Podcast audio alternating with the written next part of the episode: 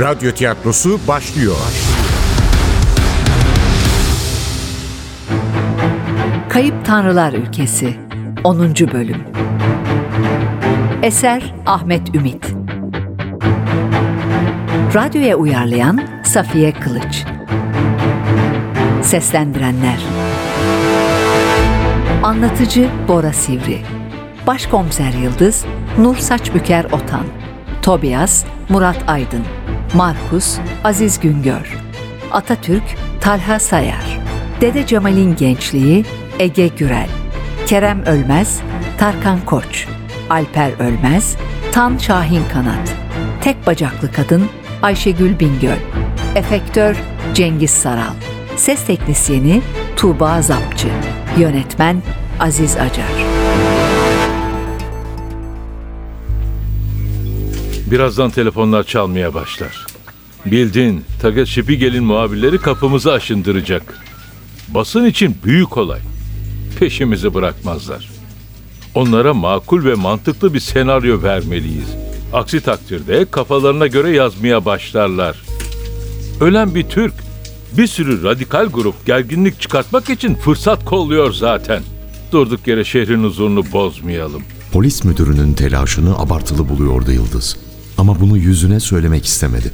Çünkü soruşturmanın kendisinde kalmasına çok memnun olmuştu.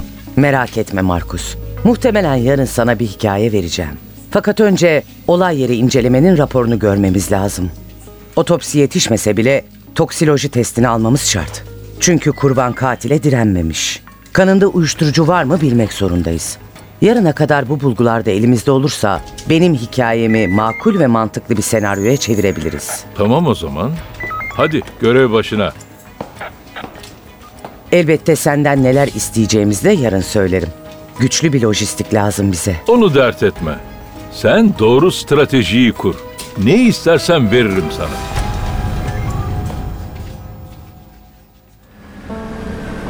Adalbert Caddesi, Türkiye kökenlilerin dükkanlarının en yoğun olduğu yerdi. Caddenin açıldığı küçük meydanda Namık Kemal Kütüphanesi'ni, Mevlana Camii'ni, İş Bankası'nı, Karadeniz Balıkçısı'nı görebilirdiniz. Kendinizi Türkiye'de hissetmemeniz için hiçbir neden yoktu. Türkiye'ye gitmek istiyordun ya Tobi. Al sana Türkiye. Biliyorum şef. Esnafın çoğu Türkiye'li burada. Dahası buradaki Almanlar bile Türkleşmiş. Arabadan indiler. İlerideki küçük pasaja yönelirken sordu Yıldız. Yozgatlı Osman amcanın hikayesini duydun mu? Hani şu duvarın kenarına gece kondu yapan adam. Gece kondu nedir? Bilmiyor musun? Almanya'da da kullanılıyor. Türkçe bir kelime. Yasa dışı yapılmış bina anlamına geliyor. Şimdi bu Osman amca emekli olunca evde canı sıkılıyor. 1980'lerin başından söz ediyorum. Berlin duvarının kenarında boş bir araziyi gözüne kestiriyor. Oraya soğan, sarımsak, domates, salatalık ekmeye başlıyor. Yani araziyi bostana çeviriyor. Toprak Demokratik Alman Cumhuriyeti'ne ait. Derken askerler durumu fark edip geliyorlar. Ne yapıyorsun burada diye çıkışıyorlar. Osman amca gayet pişkin bir tavırla cevaplıyor. Ne yapacağım? Arazi öylece duruyordu. Ektim, biçtim. Bak bunlar çıktı. Yetiştirdiği salatalıklardan, domateslerden askerlere veriyor. Biliyorsun, duvar söz konusu olduğunda asla tolerans göstermezdi Doğu Alman yetkilileri. Ancak tuhaftır, karışmıyorlar bu yaşlı adama. Hatta şakacıktan bu arazi Osman'a aittir diye yazılı bir belge bile veriyorlar. Böylece duvarın kenarında yemyeşil bir vaha yükseliyor. Derken duvar yıkılıyor. Almanya birleşiyor. Fakat Osman amca bırakmıyor bostanını. Dahası bir de iki katlı ahşap bina dikiyor arazinin ortasına. Kreuzberg Belediyesi'nde Yeşiller Partisi olduğu için onlar da dokunmuyorlar ihtiyarın bostanına. Osman amcanın bostanı bugün Berlin'in bir parçası olmuş durumda. Tur rehberleri bile gezi programına alıyorlar orayı. Gelen turistler Berlin hatırası diye önünde fotoğraf çektiriyor.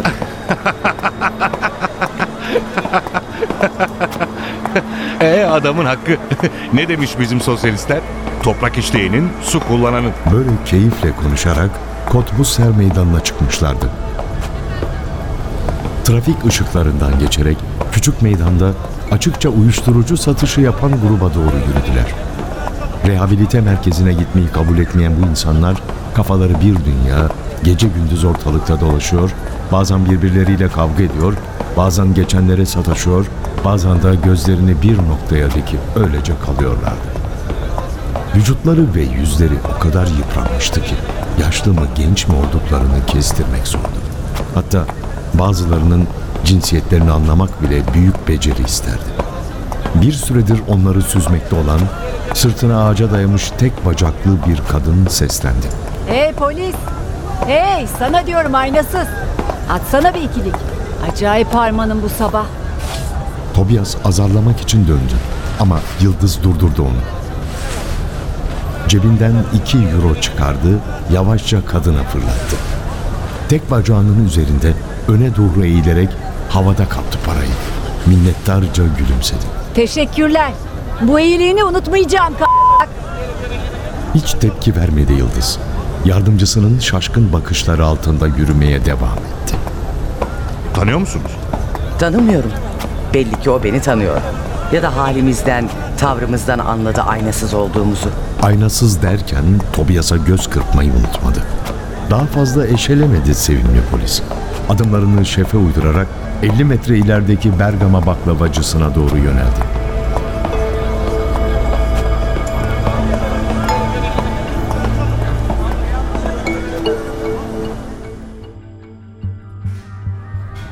Vakit henüz öğle olmadığından içeride hiç müşteri yoktu. Hertha Berlin'in mavi bayrağıyla Beşiktaş'ın siyah beyaz bayrağının asılı olduğu duvarın önünde fıstıklı cevizli baklavaların bülbül yuvası, şöbiyet, kadayıf, künefe, saray sarmasıyla zülbiye denilen Bergama tatlısının küçük tepsilerde yan yana sıralandığı tezgahın arkasında yassı kafasının sadece tepesinde bir tutam saç bırakmış, bıyıkları yeni terlemiş gençten biri oturuyordu. Bizimkileri görünce yerinden kalktı. Gülümsemeye çalışarak sordu. Buyurun. Ne arzu etmiştiniz? Biz polisiz. Hüseyin Ölmez'le görüşecektik. Büyük babamı mı buldunuz yoksa? Yok biz başka bir mesele için gelmiştik. Ne oldu büyük babanıza? Orhan dedem 3 gündür kayıp. Polise başvurmuştuk. Sizi görünce onunla ilgili geldiğinizi zannettim. Bu olayın cinayetle bağlantılı olduğunu sanmıyordu. Ama biraz daha bilgi almanın hiçbir zararı olmazdı. Nereye gitmiş olabilir dediniz? Bilmiyoruz ki. Orhan dedenin aklı yerinde değil. Her şeyi unutuyor. Kim olduğunu bile. Ne oluyor Alper? Uzun boylu bir adamdı seslenen. Onlara doğru geliyordu. Geçkin yaşına rağmen oldukça dinç görünüyordu. Düzgün bir burnu, geniş bir çenesi vardı ve kırlaşmış dalgalı saçları, tümüyle beyazlamış gür sakalları esmer tenine hoş bir hava katıyordu. Polisler. Ama Orhan dede için gelmemişler. Sahi niçin gelmiştiniz? Elini usulca havaya kaldırdı Yıldız. Tamam delikanlı. Çok teşekkür ederiz. Biz beyefendiyle konuşuruz. Onlar da adama yöneldiler. Dükkan sahibi endişeli bir ifadeyle onlara bakıyordu. Yıldız adamın bu tavrına bir anlam veremedi. Ama sanki onu daha önce görmüş gibiydi. Nerede? Düşündü, çıkaramadı. Merhaba. Hüseyin Ölmez siz misiniz? Adamın kara gözlerindeki endişe meraka dönüştü. Kurbanı hatırladı Yıldız. Cemal'in tavana dikilmiş iri kara gözleri. Hayır, Hüseyin oğlumdur. Benim adım Kerem. Ne oldu ki yoksa babamdan bir haber mi var? Ben Başkomiser Yıldız Karasu. Bu arkadaş da Komiser Tobias Becker. Sizinle konuşmamız lazım. Şöyle oturalım mı? Yok orası uygun değil. Buyurun arkaya geçelim. Polislerin ne diyeceğini beklemeden dükkanın içine yöneldi. Sadece uzun değil, aynı zamanda kalıplıydı. Yıldız yanında küçücük kalmıştı. Aldırmadan adımlarını açtı, adamla yan yana yürümeye başladı. Tobias biraz geriden onları takip ediyordu. Yıldız, dükkan sahibini göz ucuyla süzerken babasını hatırladı. Geçkin yaşına rağmen bu adam da babası gibi yakışıklıydı. Ama gözleri çakır değil, karaydı ve saçları daha kırçıldı. Dalgalı, neredeyse kıvırcık. Babası daha neşeli, daha espriliydi. Bunun gibi yabanıl değildi. Sonra haksızlık ettiğini düşündü. Adamın nasıl biri olduğunu bilmiyordu ki. Belki de polislerle kötü deneyimleri olmuştu. O yüzden suratını asmıştı. Konu neydi? Yoksa babama kötü bir şey mi oldu? Konu babanızla ilgili değil. Ama Orhan Bey'e ne olduğunu da öğrenmek isteriz. adının Orhan olduğunu nereden biliyorsunuz? Alper söyledi ya, tezgahtaki genç. Evet evet tabii. Üç gündür mü kayıp? Evet daha önceden de kaybolurdu ama iki günde bulurduk. Babam Alzheimer. Kapıyı açık buldum mu çekip gidiyor böyle. Nereye gitti de belli değil. Geçen kaybolduğunda Bahnhof Suu'da bulduk. Banklardan birinde oturmuş trenlere bakıyordu. Türkiye'den ilk geldiğimizde orada inmiştik trenden. Aklınca memlekete geri dönmek istiyordu ya da başka bir şey düşünüyordu kim bilir. Geçmişte yaşıyor artık.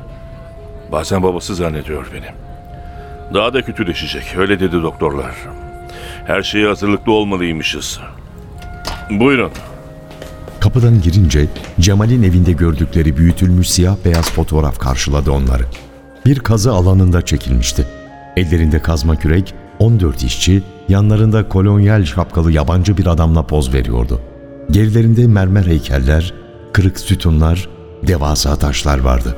Bergama mı burası? Aa biliyor musunuz Bergama'yı? Yoksa siz de mi oralısınız? Yok, Bergamalı değilim. İstanbulluyum. Daha doğrusu babam oralıymış. Ben burada doğdum. Bu fotoğraf Zeus altarının çıkarılması mı? Yok, burası Athena Tapınağı. Tiyatronun hemen üzeri. Zeus altını biraz daha aşağıdadır. Bilir misiniz Bergama'yı? Çok değil. Ama Pergamon Müzesi'ni bilirim. Siz de arkeolojiyle ilgilisiniz galiba. Kerem fotoğrafa yaklaştı. Kolonyal şapkalı adamın yanında dikilen uzun boylu, yapılı, başında fes olan bir adamı gösterdi. Büyük büyük dedelerimiz Pehlivan Efendi Bergama'nın en iri yarı, en güçlü kuvvetli adamıymış. Üç kişiyi kaldırıp yere vurulmuş güreşte. Lakabı da varmış. Neymiş biliyor musunuz lakabı? Alman. Evet, Alman pehlivan diye çağırırlarmış. Neden Alman diyorlarmış? Almanlarla çok iyi anlaşıyormuş. Pergamon kazısına ilk katılanlardan biri. Bakın yanındaki şu şapkalı Karl Humann. Karl Humann, Pergamon kazılarını başlatan adam. Çok önemli biri. Zeus altırını ve tarihi eserleri Berlin'e getiren kişi. Aslında arkeolog değil, yol mühendisi. Evet, düşünebiliyor musunuz? 1870'lerde Almanya'dan gelip Osmanlı'ya yol yapan bir adam Pergamon'u kazıyor. Dedem de yanında çalışıyormuş. Yol işçisi olarak. O zamanlar Ayvalık Bergamo yolunu yapıyorlar. Human tarihi eserlere çok meraklıymış. Pergamon'u görünce çok etkilenmiş. Kazıya başlamış ve bu işi de kendi ekibiyle yapmayı tercih etmiş. Pehlivan dedem de onlardan biriymiş. Bizim aile babam dahil dört kuşak Pergamon kazılarında çalıştı.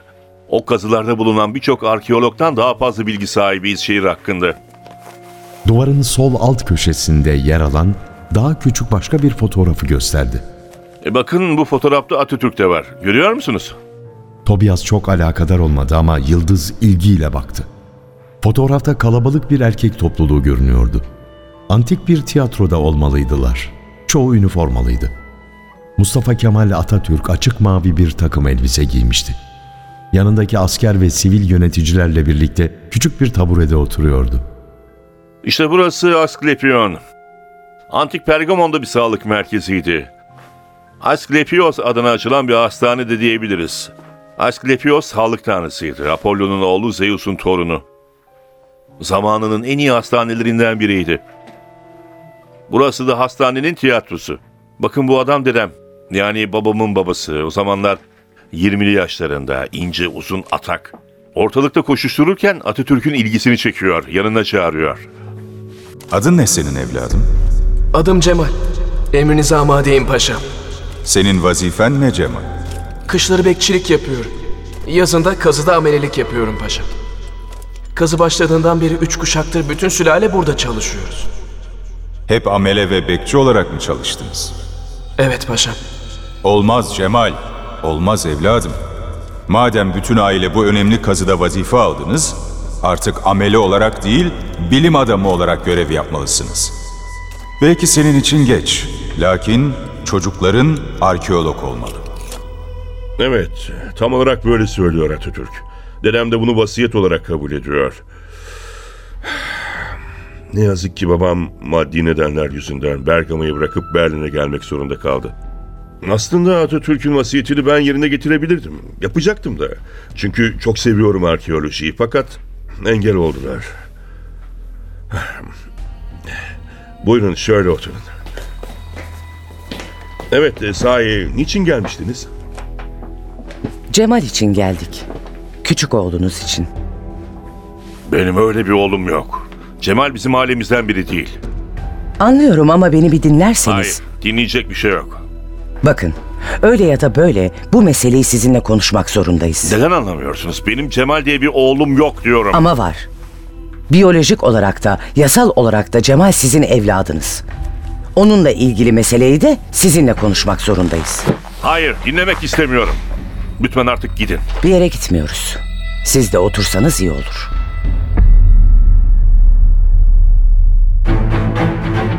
Kayıp Tanrılar Ülkesi Eser Ahmet Ümit Radyoya uyarlayan Safiye Kılıç Seslendirenler Anlatıcı Bora Sivri. Başkomiser Yıldız Nur Saçbüker Otan. Tobias Murat Aydın. Markus Aziz Güngör. Atatürk Talha Sayar. Dede Cemal'in gençliği Ege Gürel. Kerem Ölmez Tarkan Koç. Alper Ölmez Tan Şahin Kanat. Tek bacaklı kadın Ayşegül Bingöl. Efektör Cengiz Saral. Ses teknisyeni Tuğba Zapçı Yönetmen Aziz Acar